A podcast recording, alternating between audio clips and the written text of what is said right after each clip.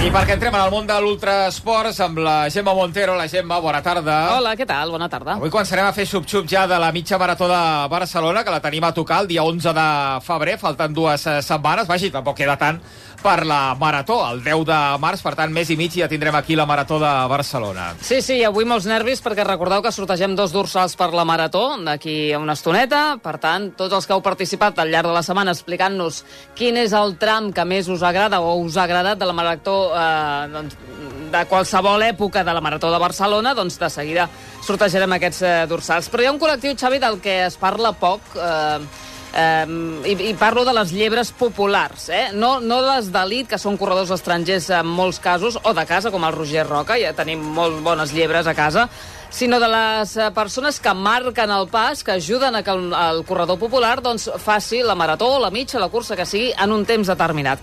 És el cas del Rafa Pérez, que fa 15 anys que corre, ara en té 48, i un dia va decidir, doncs mira, canviar el gimnàs eh, pel córrer. I va ser una cursa de la Mercè, la que li va fer canviar el pensament. Tant és així que és una de les llibres oficials de la mitja marató i també de la Marató de Barcelona, entre d'altres moltes curses. Hola, Rafa, bona tarda.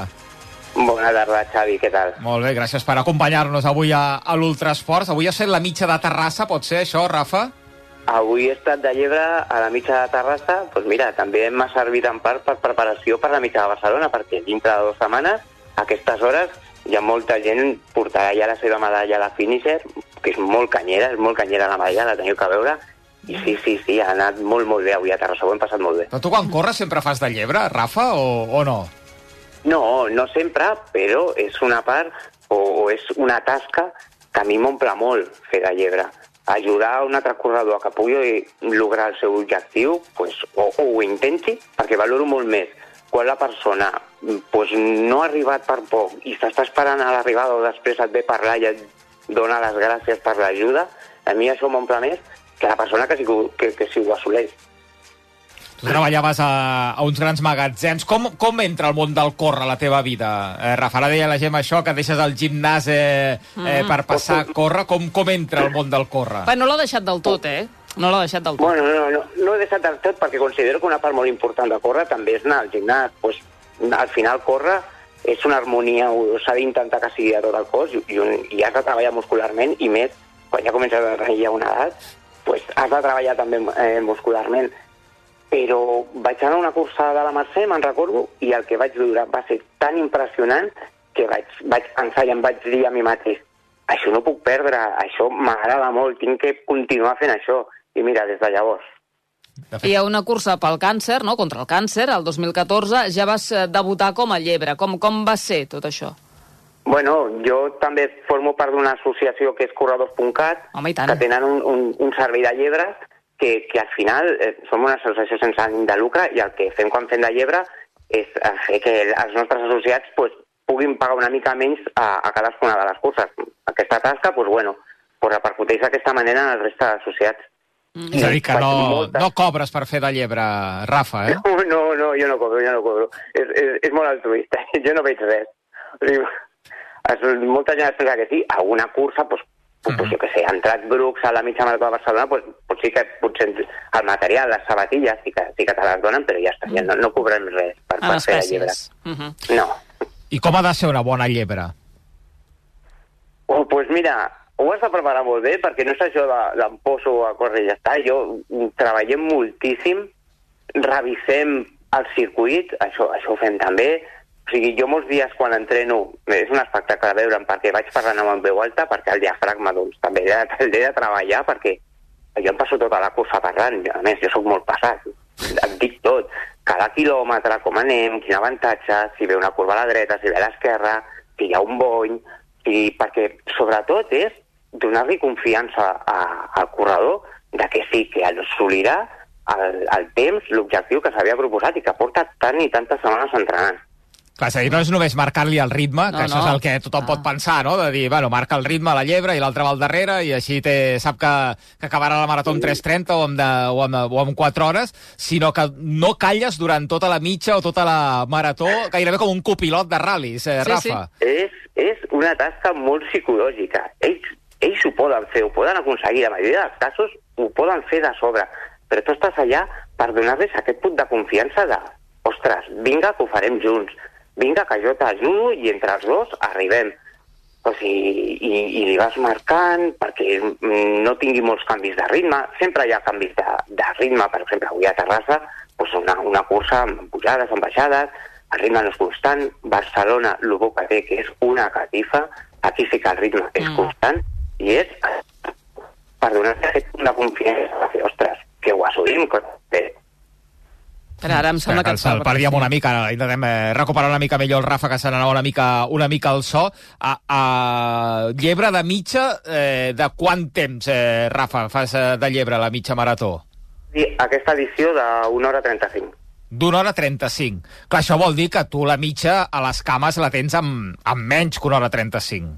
Sí, perquè una de les coses que, que també pues, has de tenir aquest punt de poder anar, entre cometes, una mica sobrat, o sigui, perquè has de córrer, has d'anar parlant, has d'anar indicant, i esclar, si anés molt al límit, mm, ostres, potser sóc jo que no arribo, i no és plan. És, és portar aquest, aquest coixí de, de minuts, inclús, per saber que ho pots fer sense problema. Els primers dies, però, que un fa de llebre no, no hòstia, de coco no pateixes de dir, hosti, eh, eh, que tinc una responsabilitat aquí, avui no, no puc fallar, a veure si, jo què sé, passarà alguna cosa, no em trobaré bé i, i hi haurà un punt que, que per algun motiu hauré d'abandonar. No sé si de coco costa al principi, això, Rafa.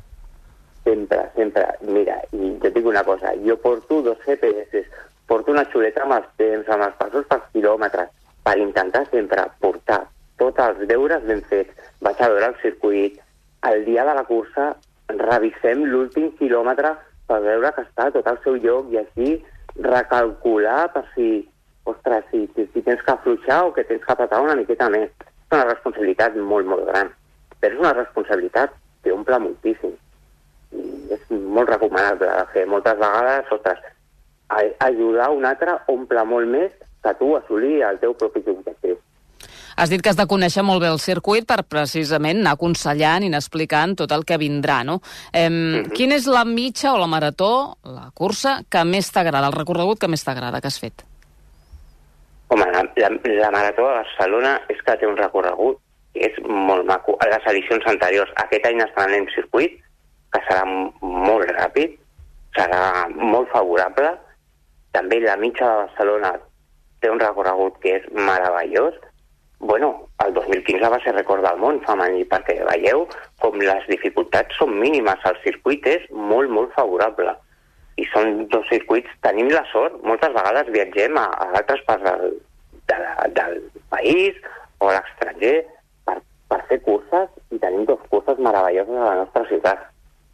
Si et deixen triar el temps, eh, que vols que faci a principis de març, quan eh, toqui la Marató de Barcelona, què, què triaries? Eh, una mica ennuvolat? Eh, quina no temperatura? faci com, com ho fem, això?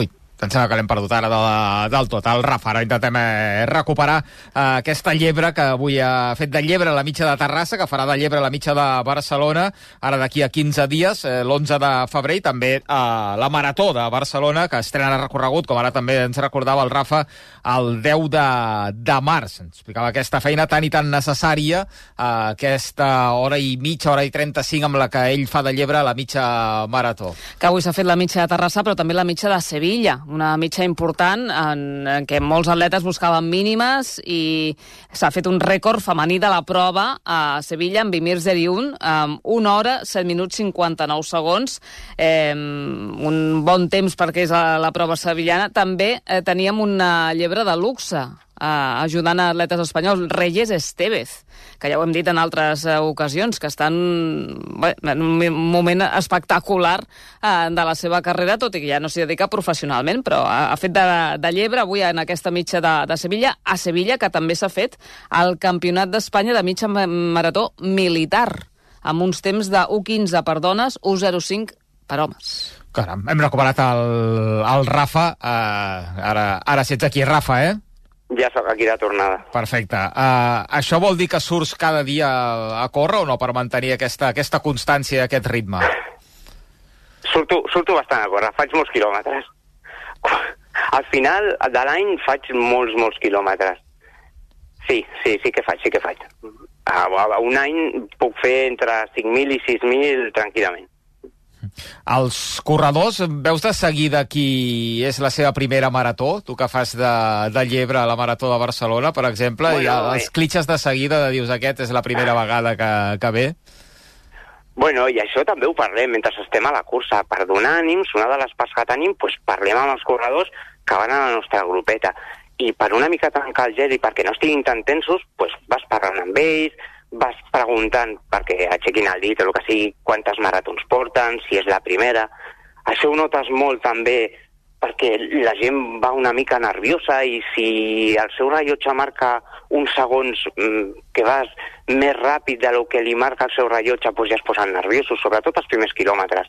Després ja no parla ningú a la grupeta, o sigui, va tothom... tothom només tu, només parles tu, no? Però els primers quilòmetres tothom va molt nerviós, ja et van dient, llebre, el ritme, que, que, vas, que vas ràpid, que no. Se'ls dona, fem un briefing uns minuts abans, abans de començar la cursa, per tornar a donar-los molts anys, molta calma i tranquil·litat per la cursa i durant la cursa els primers quilòmetres sempre passa el mateix, sempre parlen una mica però després ja allà tothom va callant. I tu mires molt el GPS però tu ets una mica anti, eh?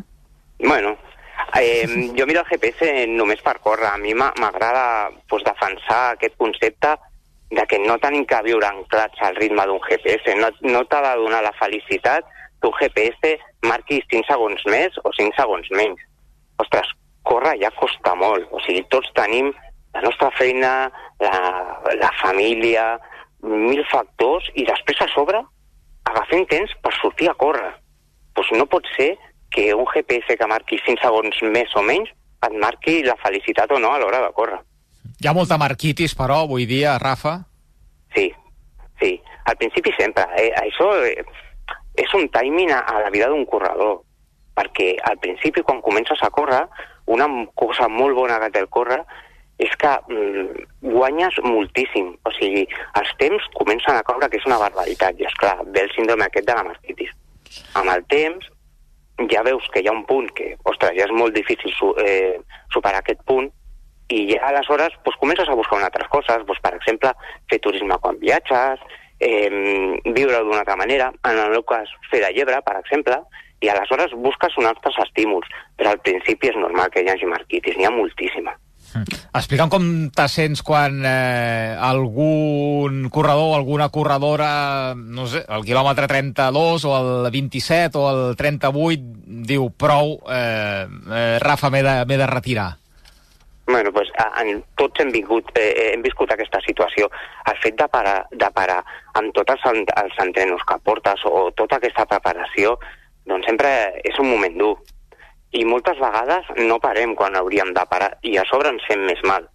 I això amb el temps et dones compte i dius, ostres, doncs sí que hauria d'haver parat en aquell punt, perquè, per exemple, pots tenir algun problema o alguna lesió i va més però sempre volem intentar... Pues són moltes setmanes de preparació i en part pues, jo sóc el primer que ho entenc perquè moltes vegades hauria d'haver parat i no he parat només per arribar per tot el que bueno, ens, ens porta a dintre el fet d'arribar i aconseguir o assolir la medalla de finisher.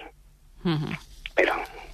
Però, en canvi, sí que fluixes, no?, per fer una mica de guia turístic. És a dir, hi ha sí, alguns ja. punts no, que dius, ara fluixarem, ja ho recuperarem, o ja hem apretat abans, i ara ara ens regalem aquí, no sé, passant per la Sagrada Família o per, per on calgui, no? 42 quilòmetres donen per molt, o 21 en el cas, el, el cas de la mitja. El quilòmetre 7, 200, que quan tornes a passar pel costat de l'Arc de, de del Triomf, ja vas preparant a la gent i ja fluixes. A més, molts dels familiars, acompanyants que, que van amb els corredors a la, a la cursa, que estan a la sortida, només s'han de moure 300 metres per, per tornar-los a veure que n'hi ha del 7-200 fins al 8, a la mitja, per exemple, que serà dintre de dues setmanes, és una autèntica meravella i qualsevol mm, corredor popular se sent realment superimportant per tota la gent que n'hi ha. És que vas quasi en filera d'un. A aquest punt d'aquí nosaltres preparem a la gent i a mi, si se'n van d'aquí 10 segons o 15 perquè m'ha afluixat el ritme, ja l'agafarem més tard. Són com els avituallaments Clar. Hem de, par hem de parar una mica el ritme, que la gent agafi la beguda, que la gent begui, que la hidratació és molt, molt important. Aquí perdem el temps, tenim molta estona per poder regular el ritme. I t'han passat d'anècdotes de tots colors, no, Rafa? Segurament. Bueno, tant Per a la exemple? mitja com a la marató, diferents proves, sempre, sempre tenim mil coses que ens passa per, per fer autèntics llibres, des de luego.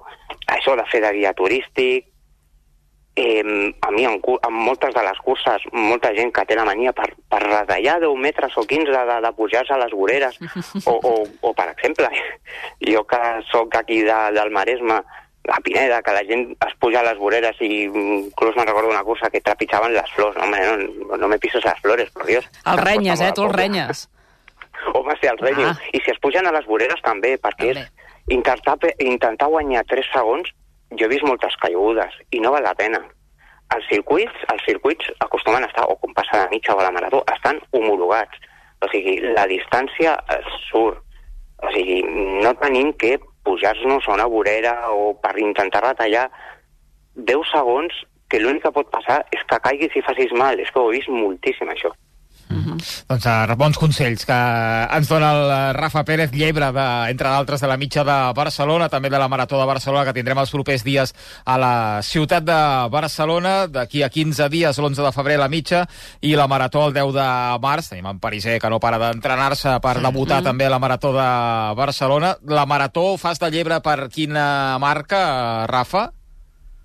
Encara no estan decidides que seran aquesta setmana, però no sé si serà 3 hores 30, 3 hores 45, ja, ja veurem. Encara no estan decidides. Aquesta setmana es confirmen les llebres i els ritmes. Doncs mira, pot ser un bon... Jo crec que pot ser, pot ser una bona llebre per, Per la cosa, no? eh, Pariser. Crec, eh? Crec, pel que Bueno, vaig sentint aquests dies a la redacció. Ella ha de fer la primera, la primera marató, i la primera sí. marató jo crec que s'ha d'acabar.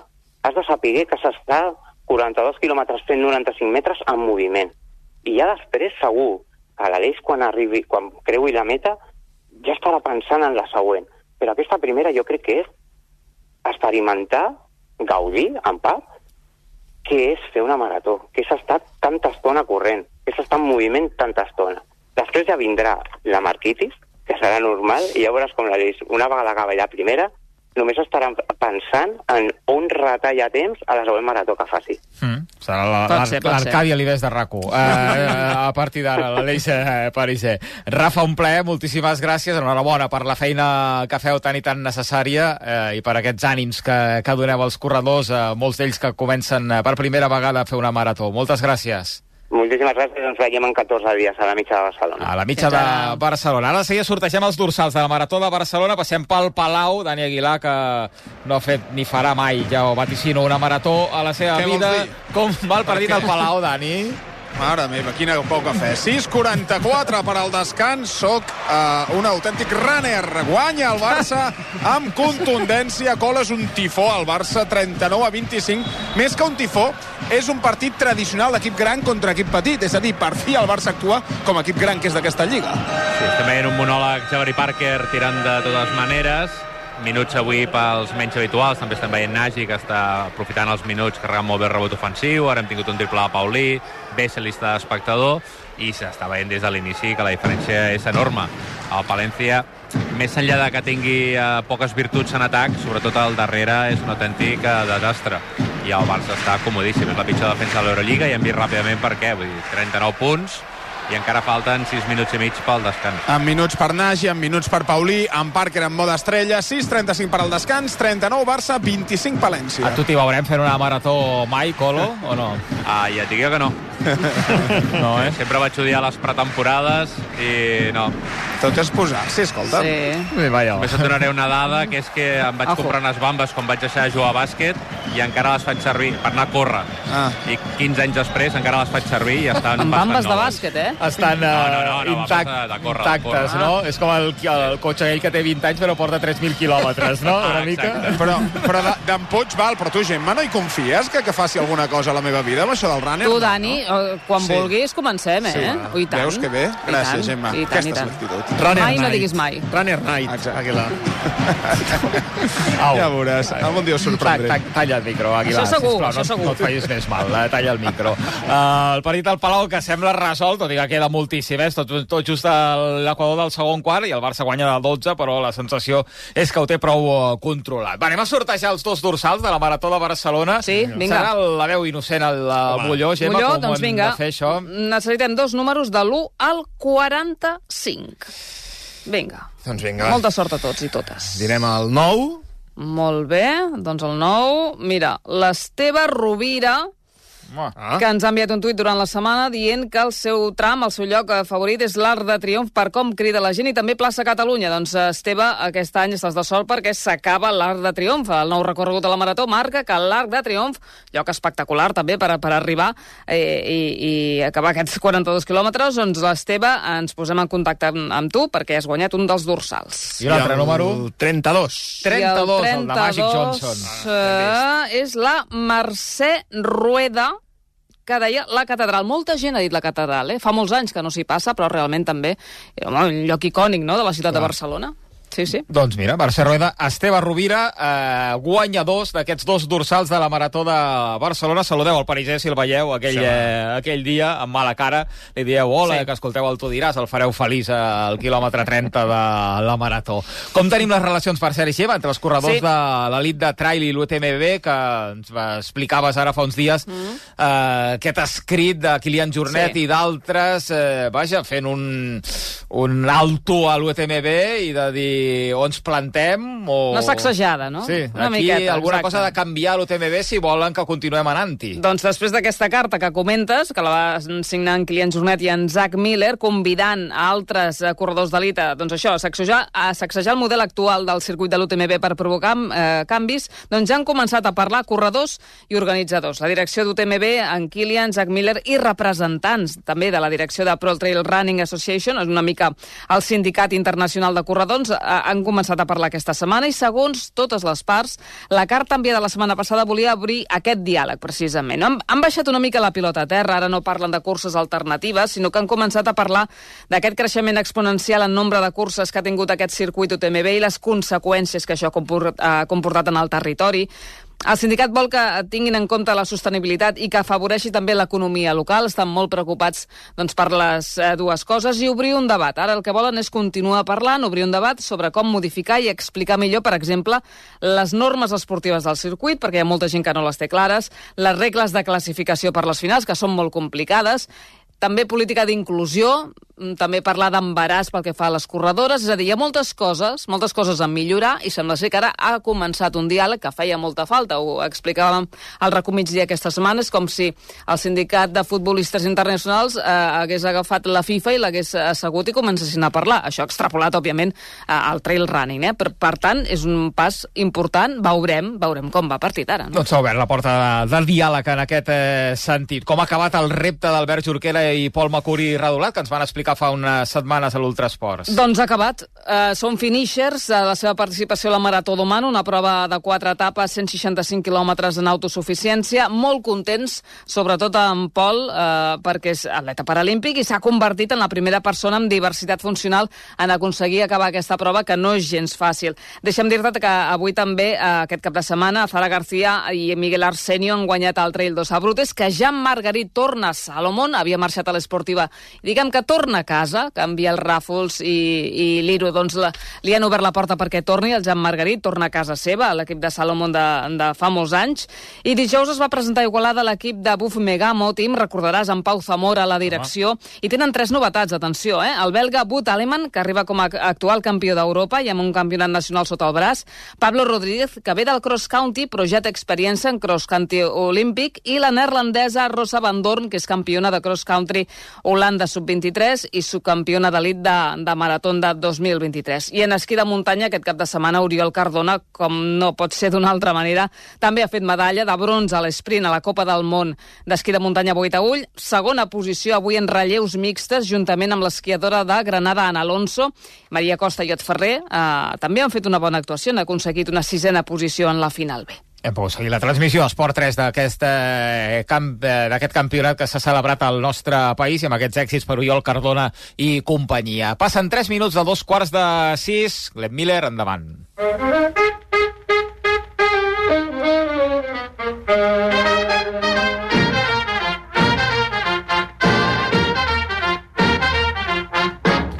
Avui, abans d'arribar a la meta, en Pucurull vol posar una medalla a l'Emma Maria Mazenga, una atleta de 90 anys, 90, que és tot un exemple. Amigues i amics, cada cop, a mesura que augmenta l'esperança de vida, augmenta també el nombre d'esportistes longeus. Molt longeus, diria jo, que corren, salten o practiquen un esport contrastant sorprenentment amb el que toca fer a una edat avançada. Aquesta setmana s'ha sabut que una italiana de nom Emma Maria Mazenga ha batut a la ciutat de Pàdua el rècord mundial de 200 metres de dones de 90 anys que es mantenia des d'en feia 13 i era d'un minut i 72 centèsimes. Ella els ha corregut en menys d'un minut, 54 segons i 47 centèsimes. El vídeo de la proesa circula per les xarxes i és veritablement un goig veure com aquesta atleta nonagenària corre a un ritme que ja voldrien molts. El primer, un servidor. Aquest èxit extraordinari ressalta la seva capacitat atlètica i serveix com a testimoni que l'edat, si s'està bé de salut, no ha de ser cap impediment per moure's, fins i tot amb certa intensitat. El seu excepcional registre no és només una fita històrica, és també una inspiració per a tothom, sigui esportista o no, en fer patent que la determinació és la clau per aconseguir un propòsit.